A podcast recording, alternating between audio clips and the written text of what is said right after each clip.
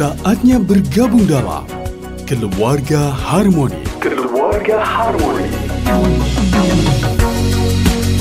Kerjasama Suara Muslim Lumajang dan Yayasan Cahaya Al-Quran. Jalan Diponegoro nomor 80, Jogoyudan Lumajang.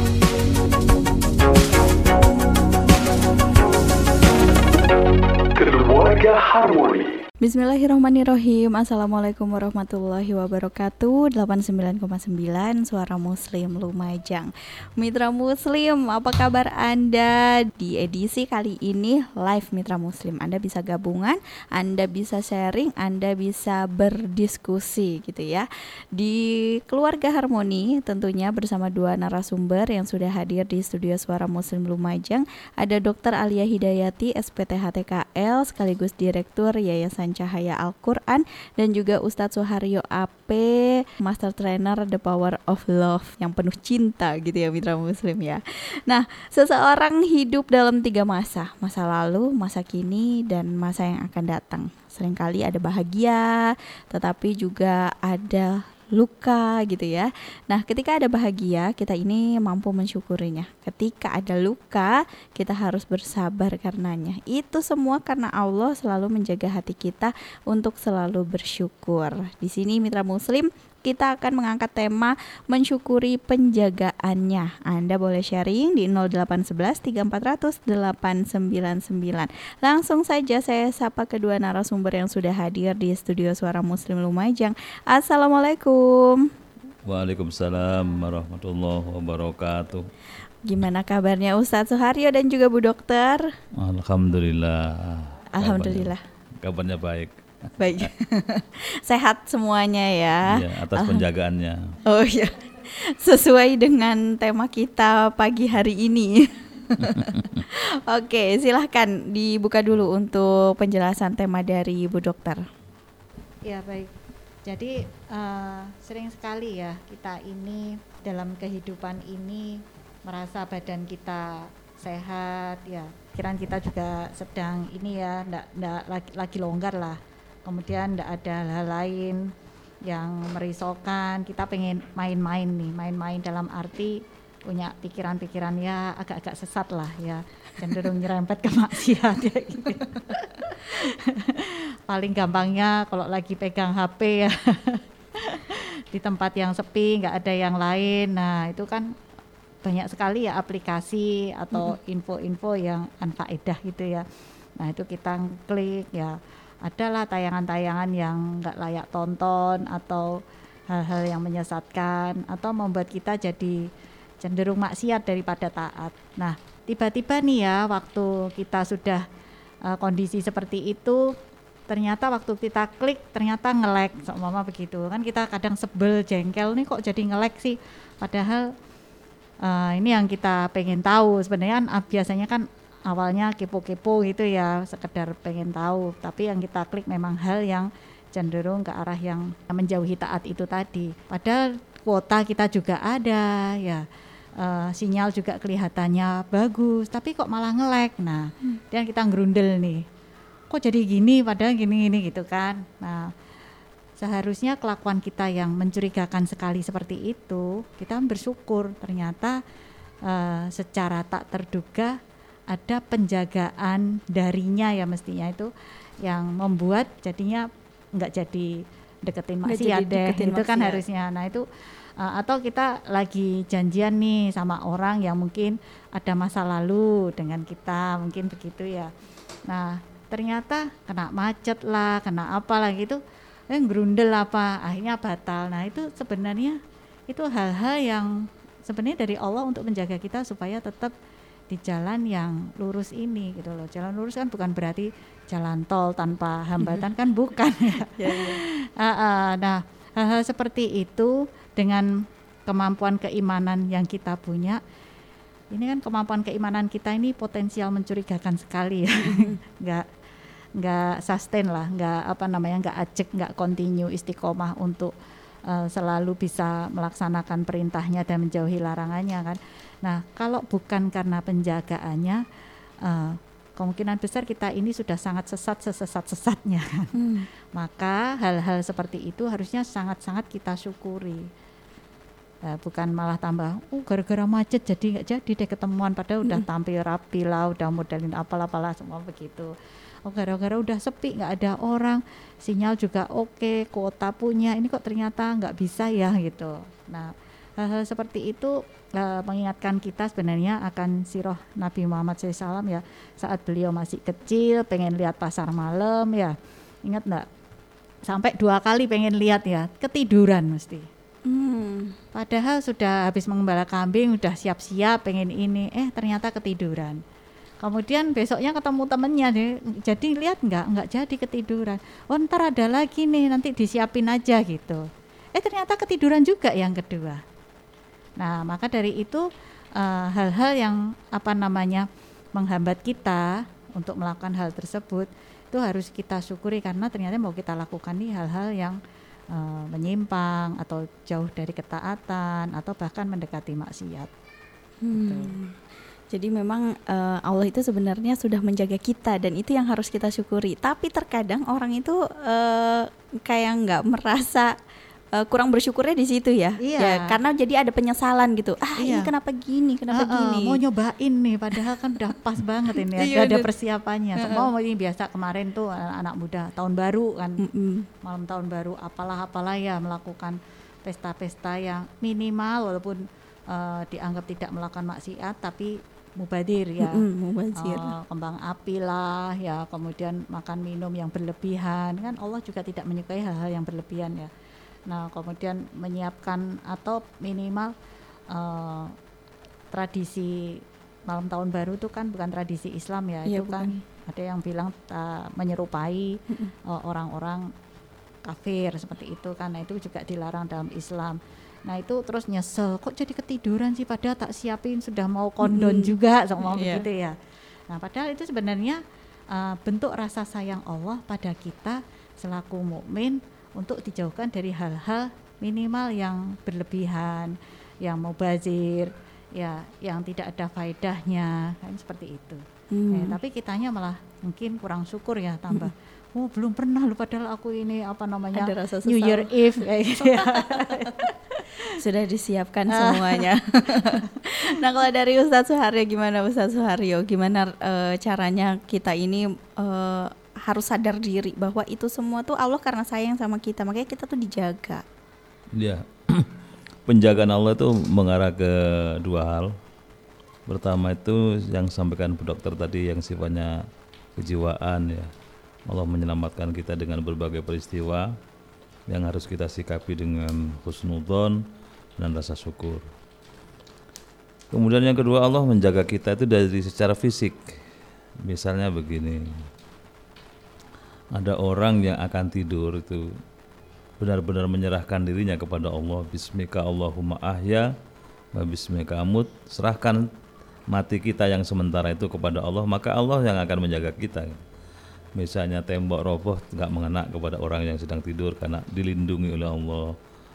Ada banjir tiba-tiba masjid Allah selamatkan ada kecelakaan musibah macam-macam bayi yang tidak punya kekuatan apa-apa selamat itu semua Allah yang menjaganya secara fisik gitu maka terbaik supaya kita senantiasa dilindungi Allah pertama memang harus perbanyak doa kepada Allah supaya hati kita bolak-baliknya kepada agama dan kepada Allah sehingga Allah melindungi kita. Yang kedua, kita harus senantiasa bersandar hidup ini menyerahkan sepenuhnya kepada Allah.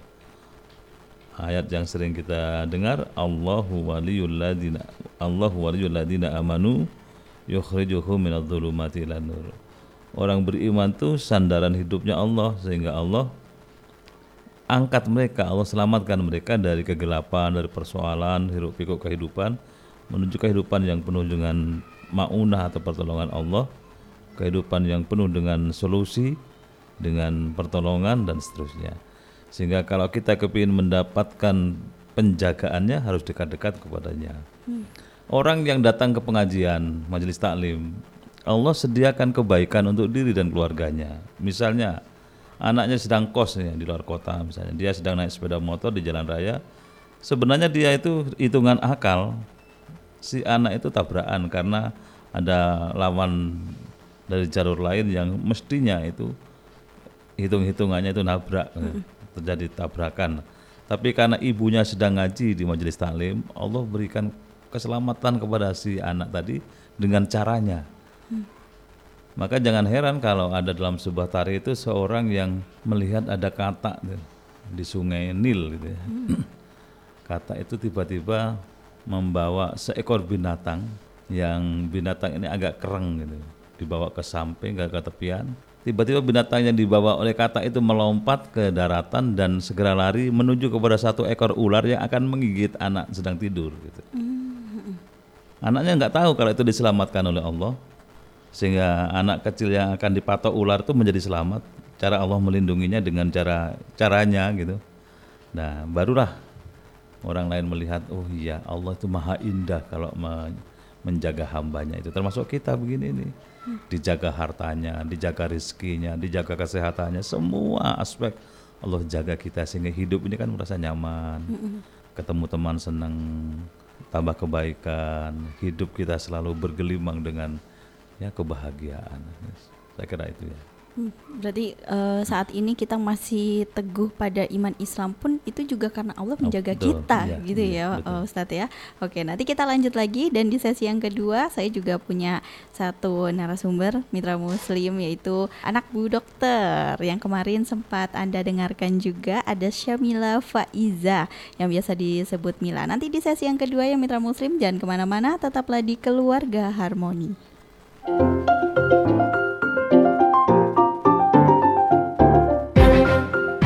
Anda masih bersama Keluarga Harmoni. Kerjasama Suara Muslim Lumajang Dengan Yayasan Cahaya Al-Quran Jalan Diponegoro nomor 80 Jogoyudan Lumajang. Keluarga Harmoni segera kembali Ya Mitra Muslim sesuai janji saya tadi bahwa saya ingin ngobrol-ngobrol dengan Mila anak dari Ibu Dokter ya Langsung saja saya sapa Assalamualaikum Waalaikumsalam. Gimana kabarnya Mila? Alhamdulillah baik, Mbak. Masih liburan? Masih. Oh masih Lama ya liburannya ya? iya. Biasanya emang kalau boarding school itu eh, liburannya sebulan gitu Itu kalau Idul Fitri aja sih sebulan. Oh sebulan hanya Idul Fitri Berarti sekarang berapa minggu? Tiga minggu. Tiga minggu aja, oke. Udah banyak waktu di rumah ya. Nah, menurut Mila apa sih yang udah Allah kasih atau juga Allah jaga untuk Mila selama ini? Banyak sih. Termasuk mensyukuri nikmat Islam gitu kan. Mm-mm. Biasanya banyak banget orang Islam tuh yang malu memperlihatkan sisi keislamannya gitu. Mereka nggak bangga sebagai seorang muslim dan itu menunjukkan bahwa mereka itu tidak bersyukur dan tidak merasakan kenikmatan yang besar tersebut yang Allah berikan kepada mereka. Hmm, Masya Allah. Jadi Mila ini udah benar-benar merasa bahwa ini tuh Allah udah menjaga iman Islamnya Mila gitu ya. Oh, masya Allah. Kalau dari teman-temannya Mila sendiri ada nggak sih yang ngerasa kok kayaknya kamu ini Muslim, tapi kok kayaknya kurang bangga gitu? Eh, Nggak ada ya. Circle-nya positif semua ya. iya. Masya Allah. itu yang membuat eh, Mila makanya bertahan sampai detik ini karena dijaga sama Allah. Kemudian circle-nya juga eh, positif semua, gitu ya. Nah kalau misalkan dari tadi yang diceritakan Bu Dokter yang dijelaskan Ustadz Suharyo juga mungkin ada pernah harusnya Mila ini mungkin jatuh tapi ternyata nggak jadi jatuh. Kejadian-kejadian apa yang mungkin eh, Mila ingat sampai sekarang bahwa Allah ini ngejaga saya loh gitu. Termasuk mungkin dari gadget. Eh, waktu itu pernah waktu kecil eh, ngambek gitu ya sama mama terus pernah akhirnya itu waktu karena masih kecil nggak tahu apa-apa jadi masukin jari ke dalam stop kontak gitu Iya, iya. Heeh, Terus. ya alhasil jadinya kan kesetrum terus ya udah nangis gitu terus ya udah sama mama akhirnya dibeliin roti Oh. udah, udah dijaga sama Allah Oh gitu, kesetrumnya nggak parah gitu ya. Iya. Ya soalnya kalau masih anak kecil memang kadang eh, ada yang sampai meninggal juga itu bahaya juga gitu ya. Jadi Mila ini memang merasa bahwa Allah ini sudah menjaga Mila dengan nikmat Islam gitu ya. Mila merasakan eh, dengan keislaman Mila ini Mila cukup bangga gitu. Iya, alhamdulillah. Hmm, apa yang Mila lakukan ketika Allah ini sudah memberi nikmat Islam selama ini? Ya beribadah lebih rajin, Hmm. sering doa. Apa sih doanya Mila yang sampai sekarang mungkin belum terkabul dan masih menjadi doa utamanya Mila? Doa biar bahagia dunia akhirat. Terus habis itu bisa jadi hafidhah, bisa ngasih mahkota nanti di surga ke orang tua. Ih, masya Allah, ini suatu bentuk apa ya ungkapan yang sebenarnya saya sendiri juga nggak bisa loh ngungkapin itu di depan orang tua. Ini bisa langsung live loh, ada bu dokter juga. ini jadinya pembelajarannya sampai sekarang inget kalau nggak cocok atau anu ke saya khawatir dia jadinya nggak bisa langsung marah apa saya nggak bisa lama-lama Hmm. khawatir karena menurut dia tuh teguran Allah tuh langsung kalau ke mamanya Oh iya, tadi kan ceritanya karena ngambek ke mama. Iya iya iya iya benar benar benar. ya sih kadang kita juga merasa eh, setelah besar gini merasa bahwa oh iya dulu itu kita marah-marah sama ibu, ternyata kita ada celaka meskipun itu ringan sedang gitu ya. Iya sih sebenarnya benar ya Iya. Bu Dokter ya. Jadi kalau Iya. misalkan ke ibu itu eh, nggak boleh terlalu Iya boleh nggak Iya, cocok nggak uh-uh. sependapat tuh kan boleh cuman kan harus habis itu kan eh, didiskusikan atau bagaimana lah dicari titik temunya. Atau kalau memang memang tetap berbeda asalkan itu bukan hal prinsip kan juga enggak masalah seperti itu. Cuman eh, biasanya kan kalau orang tua usia segini kan cenderung ini ya memberikan saran apa atau memberikan perintah tidak dikerjakan. Nah Ah, itu iya. kan. Nah, itu jadinya kan nah, tidak dikerjakan akhirnya kan berkelanjutan. Terjadilah sesuatu yang memang sudah kita siapkan supaya hal itu bisa dicegah tapi karena nggak dikerjakan kan akhirnya kejadian juga. Nah, makanya kan prinsip kita kan kalau di rumah ibumu tiga kali kalau bapak bukan satu kali jatahnya Oh iya. Iya Masya Allah. Oke, kita ke Ustadz Suharyo ya. Tadi eh, yang sempat Ustadz Suharyo sampaikan juga bahwa nikmat Islam gitu itu termasuk yang sudah Allah jaga, termasuk yang tadi yang sudah Mila sampaikan juga bahwa memang kita tuh harus bangga gitu sama nikmat Islam yang sudah kita dapatkan dari Allah yang sudah dijaga. Nah, selain tadi dikasih dua bocoran ya sama Ustadz Suharyo di awal ya bahwa kita harus memperbanyak doa kemudian semuanya bersandar kepada Allah. Nah mungkin ada tips lainnya Ustadz? Harus dipertebal rasa syukurnya.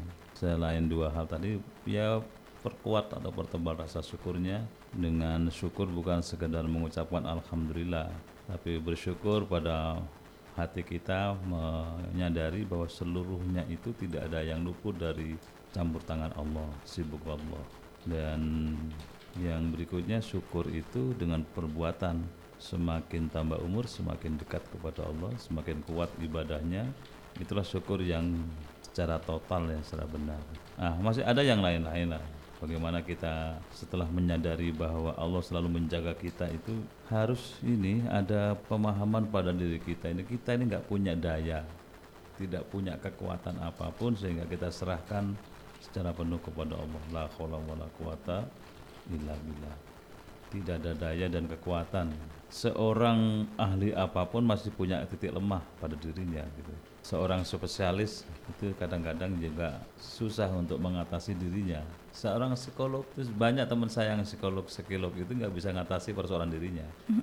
Di situ letak bahwa setiap orang itu ada titik lemah dan kita sandarkan saja kepada Allah termasuk soal rezeki. Allah yang maha mengatur nggak perlu curiga nggak perlu khawatir nggak perlu cemas. Allah sudah mengukur rezeki kita masing-masing. Ya bukan sekedar materi ya. Ada rezeki yang lain banyak teman. Ya seperti suasana begini ini kan kita senang gitu ya. Itu rezeki dari Allah banyak teman. Ada rasa bahagia yang selalu menyembul pada setiap pergaulan kita maka jadilah orang yang kata Nabi manfaat orang yang pergaulannya manfaat orang lain akan memberikan kemanfaatan juga kepada kita tapi kalau kita di forum dia pergaulan selalu menimbulkan problem persoalan Ng- ngomongnya saja masalahnya gitu kok masalah terus gitu ya. Masalahnya. masalahnya iya. Jadi kuncinya ada di masalah gitu. iya jadi usul-usul belum apa-apa sudah masalahnya jadi ya, ya cari solusinya lah gitu apa. Jadilah orang yang manfaat kepada orang lain sehingga kehadiran kita ditunggu. Selalu ditunggu karena ada hal-hal positif ada yang informatif menginspirasi dan seterusnya. Ya itulah antara lain. Antara lain antara ya. lain. Masih banyak hal lain yang perlu kita diskusikan. Mungkin menjadi tema tersendiri ya. Oke. Iya. Nah, kalau dari Bu Dokter, eh, misalkan kita diberikan kesusahan, kesulitan, itu apakah Allah ini tidak menjaga kita? Kadang kan ada ya pertanyaan-pertanyaan gitu yang kita dikasih susah, kita dikasih sulit, kita dikasih musibah. Ini Allah nggak ngejaga kita apa ya gitu? Gimana menanggapinya? Iya baik. Jadi memang eh, itu kan rasa ya, Mm-mm.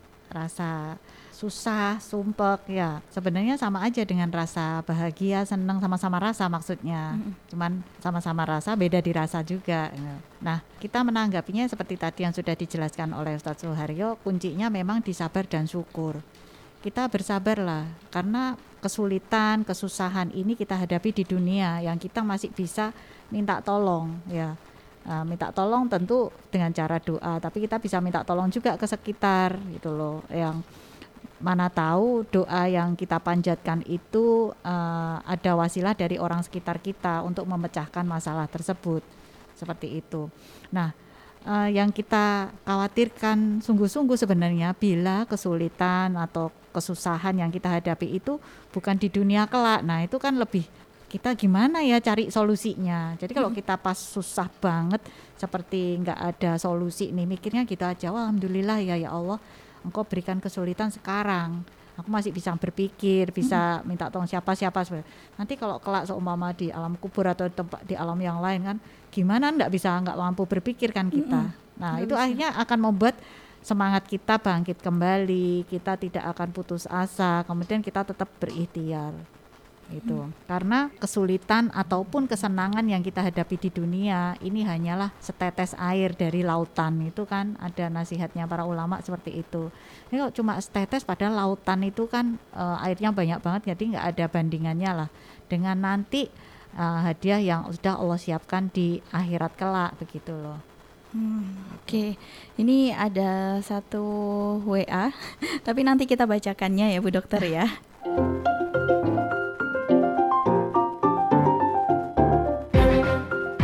Anda masih bersama Keluarga Harmoni.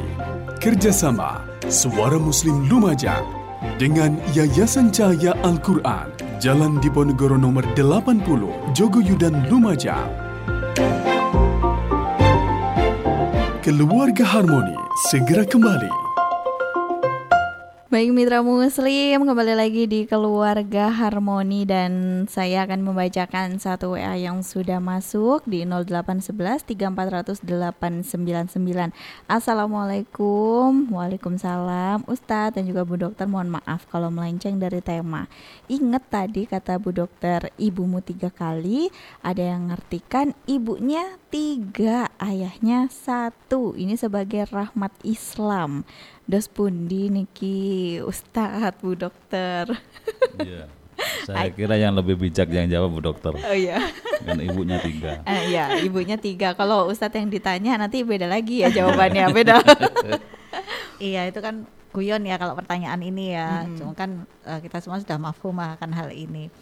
Eh, ibunya tiga kan penyebutan untuk prioritas. Prioritas kalau ibumu eh, haknya itu beda dengan ayah itu.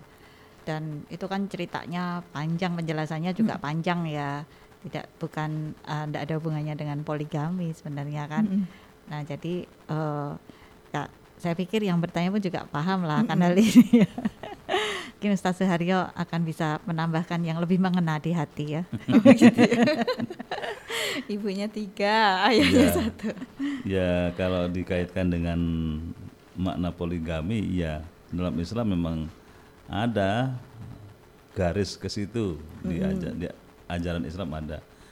Dan itu firman Allah, tinggal bagaimana menafsirkannya. Tapi misalnya begini, kalau kita nggak setuju dengan itu, jangan salahkan Quran. Itu anggap saja kita belum bisa menyesuaikan diri gitu aja. Kalau kita setuju dilakukan bagi bapak-bapak kalau berani, kalau saya mimpi saja tidak berani, khawatir ketahuan. Mimpi Tiba-tiba nyonya di sebelah loh, ngimpi apa gitu kan. Loh, tadi saya di mimpi bukan wajah yang ini gitu ya. Kacau.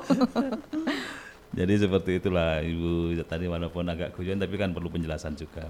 Jadi kalau ada wanita yang kan banyak di masyarakat diperlakukan lebih dari satu pendamping suaminya, kalau memang mau menerima ya lakukan. Kalau tidak bisa menerima jangan salahkan Quran. Salahkan diri kita belum bisa menyesuaikan dengan Quran. Tapi masih ada versi lain lah penjelasannya. Cuman itu saja dulu. Oh iya, itu saja dulu ya. Sama kayak saya, silahkan kalau mau poligami gitu ya. Tapi bukan suami saya. Tetap ya arahnya ya, arahnya kan saya tidak melarang. Iya, Karena kan katanya betul. Ustadz Suharyo juga itu kan ada firman dari Allah gitu Hmm. kan. Mm, Jadi nggak boleh menyalahkan Quran. Iya betul. asalkan jangan suami saya gitu. Itulah kuncinya. nah, kalau selalu bersyukur nih, apakah dengan seperti kita merasa bersyukur berarti kita sudah bisa dikatakan berdamai dengan diri sendiri? Iya, orang bersyukur itu menghilangkan berbagai perasaan yang tidak nyaman. Dengan bersyukur itu dia akan merasa semuanya beres, berdamai dengan diri sendiri. Dan semakin banyak bersyukur Allah akan karuniai kelebihan-kelebihan yang lebih bagus lagi. Kalau nikmat ditambah, ketenangan ditingkatkan, kesehatan mungkin juga Allah jaga dan seterusnya. Tapi kalau kita lupakan semua itu tiba-tiba Allah ingatkan kita dengan cara seperti Mbak Kiki tadi sampaikan, tiba-tiba Allah itu menguji kita apakah Allah tidak menjaga gitu kan. Sebenarnya kalau kita sedang menghadapi ujian dari Allah itu sadari bahwa itu memang cara Allah untuk mengingatkan kita selaku hambanya supaya kembali pada on the right track, pada jalur yang benar ya sebagaimana ayat ahasiban nasu ayyutraku ayaqulu amanna wa hum la yuftanun. Apakah kalian mengira mengaku iman kemudian tidak aku uji kata Allah. Jadi kalau kita mengaku beriman kepada Allah kemudian kok ada ujian, ada cobaan, itu Allah sedang menyapa kita supaya kita ingat kembali kepadanya. Hmm, supaya kita ingat kembali. Nah, kalau dari Bu Dokter nih terkait masa lalu di mana mungkin banyak sekali luka hati yang masih terasa sampai sekarang. Oh, aduh. Gimana cara menyikapinya? Jangan-jangan ini pertanyaannya dari maksudnya ya. Saya geli- Personal sekali. saya geli juga emang sebenarnya nanya ini ya. Tapi emang ya gimana kan mungkin banyak Harus keresahan ya. betul, iya, ya. banyak keresahan mungkin dari mitra muslim yang tidak terungkapkan jadi saya yang mengungkapkan. Iya, jadi ada nasihat dari eh, ulama yang terdahulu yang Imam At-Tirmidzi ya. Nasihatnya tuh begini, takutlah pada firasat seorang mukmin, sesungguhnya ia melihat dengan cahayanya. Jadi sesungguhnya kita itu dapat merasakan ya eh, orang solih itu ya, itu punya kepekaan dalam pergaulannya. Sampai kalau orang solih-solih zaman dahulu itu berkata, perhatikan kedudukanmu di sisi Allah dari bagaimana para kekasihnya bersikap kepadamu. Sungguh tersebab dosa durhaka dari maksiat padanya bisa jadi Allah sisipkan setitik rasa benci padamu di hati orang yang beriman. Jadi kekasihnya Allah itu kan para ulama ya eh, orang-orang soli ya walaupun eh, di masyarakat tidak bergelar ulama. Nah itu apa namanya responnya ke kita itu bagaimana? Kalau responnya ke kita itu hangat ya eh, baik hormat berarti insya Allah ya kita ini eh, masih berada di jalur yang benar. Nah, karena firasat-firasat mereka itu salah satunya karena penjagaan dari Allah itu sungguh-sungguh seolah mereka itu punya basiroh yang jernih, apa pandangan yang jernih untuk melihat eh, hal-hal yang nah itu seperti perasaan ya, hal-hal yang sebenarnya belum nyata tapi ada rasa tak nyaman kalau bergaul dengan siapa padahal dia nggak melakukan apa-apa tapi kita kayak ada rasa ya. itu kan salah satu bentuk penjagaan dari Allah termasuk dalam hal ini kalau kita ada luka di masa lalu memang Allah memberikan luka itu untuk kita belajar ya. Kita belajar kalau mungkin kita tidak diberi luka seperti itu, kita ini tambeng gitu ya. nggak akan segera paham lah maksudnya Allah dengan segala kasih sayangnya itu kita masih nantangin gitu loh. Maka Allah berikan seperti itu supaya kita bisa dengan cepat belajar karena waktu kita ini kan pendek, umur kita ini kan pendek, nggak sampai ratusan tahun gitu kan, nggak sam- bahkan ribuan tahun kan juga enggak. Nah dalam waktu yang pendek ini yang harus kita pelajari, yang harus kita jadikan bekal ini banyak. Nah, supaya cepat untuk mempersingkat waktu ya, akselerasi maksudnya kan banyak yang senang akselerasi toh. Kalau sinyal cepat juga seneng kan nggak nge-lag kan gitu kan. Nah, maka dari itu Allah kasih kita luka. Beberapa luka ini jangan kemudian kita berlarut-larut ya mengingat-ingat hal-hal yang buruk lah atau kegagalan yang kita alami atau hal yang tak menyenangkan dari orang yang membuat luka pada kita. Jangan. Kita harusnya berterima kasih ya. Tersebab dari uh, orang tersebut memberikan luka kita belajar untuk kita rising lebih dekat lagi sama Allah. Kan itu tujuan kita toh. Untuk mendapatkan ridho Allah itu kan tidak mudah. Allah hanya memberi kita luka yang seperti ini aja nah, insya Allah kita masih sanggup kok menghadapi. Gitu loh. Hmm, jadi jangan berlarut-larut juga ya. iya karena intinya dari segala macam luka yang kita dapat itu sebenarnya satu jangan pernah putus asa dari rahmatnya Allah. Hmm, Masya Allah. Oke, kita ke Mila lagi. Mila. nah, ketika Mila mengalami kesulitan gitu ya, apa sih yang ada di benak Mila dan eh, apa yang Mila lakukan? hanya nyari solusi dulu gitu terus nanti kalau misal ketemu solusinya ya udah dikerjain gitu terus kalau misalnya belum ketemu solusinya doa ke Allah Oh, tetap berarti harus mencari solusi dulu gitu ya. Jangan ribet sama masalah gitu ya, berkutat dengan masalah gitu terus ya Mila ya. Tapi Iya. dicari solusinya. Kalau belum ada, doa diperbanyak. Masya Allah. Oke, ada eh, pesan dari Ustadz Suharyo dan juga Bu Dokter nih, closing statement Iya, di bu- hari bukan ini. pesan terakhir ya. Enggak, enggak, enggak, bukan. Closing statement aja. di episode perdana ya, di awal tahun ini karena kita baru live sekarang loh. Oh iya. iya. Ya Monggo. nikmati semua yang kita miliki, kita rasakan itu merupakan pemberian Allah sebagai bentuk penjagaan darinya kepada kita. Maka kalau kita selalu sadar bahwa kita ini tidak pernah lepas dari tatapan Allah, dari pelukan Allah, kita nyaman hidup ini ya. Tidak pernah gelisah, tidak mudah cemas. Toh eh, walaupun toh ada perasaan-perasaan nggak nyaman segera dikembalikan kepada Allah. Kita tidak lari menjauh dari Allah karena Allah panggil kita fafiru ilallah balik oh nang Gusti Allah gitu ya bahasa kasarnya. Ayo cepat-cepat balik kepada Allah.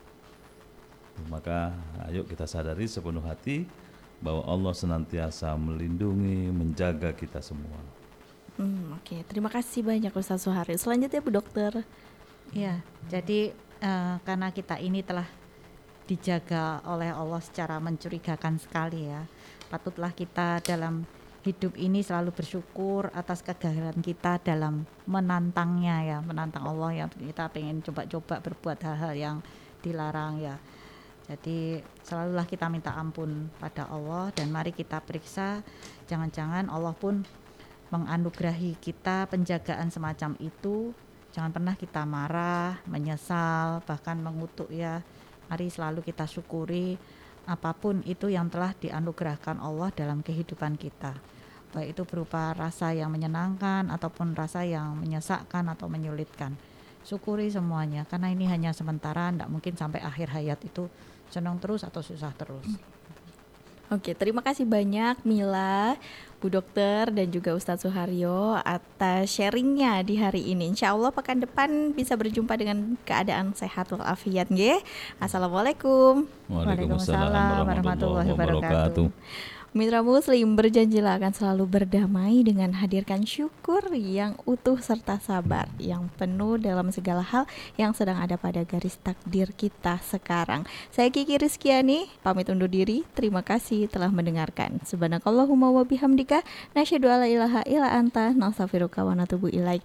Maha suci Engkau ya Allah dan dengan memujimu kami bersaksi tiada Tuhan yang berhak diibadai selain Engkau. Kami memohon ampun dan bertobat kepadamu. Wassalamualaikum warahmatullahi wabarakatuh.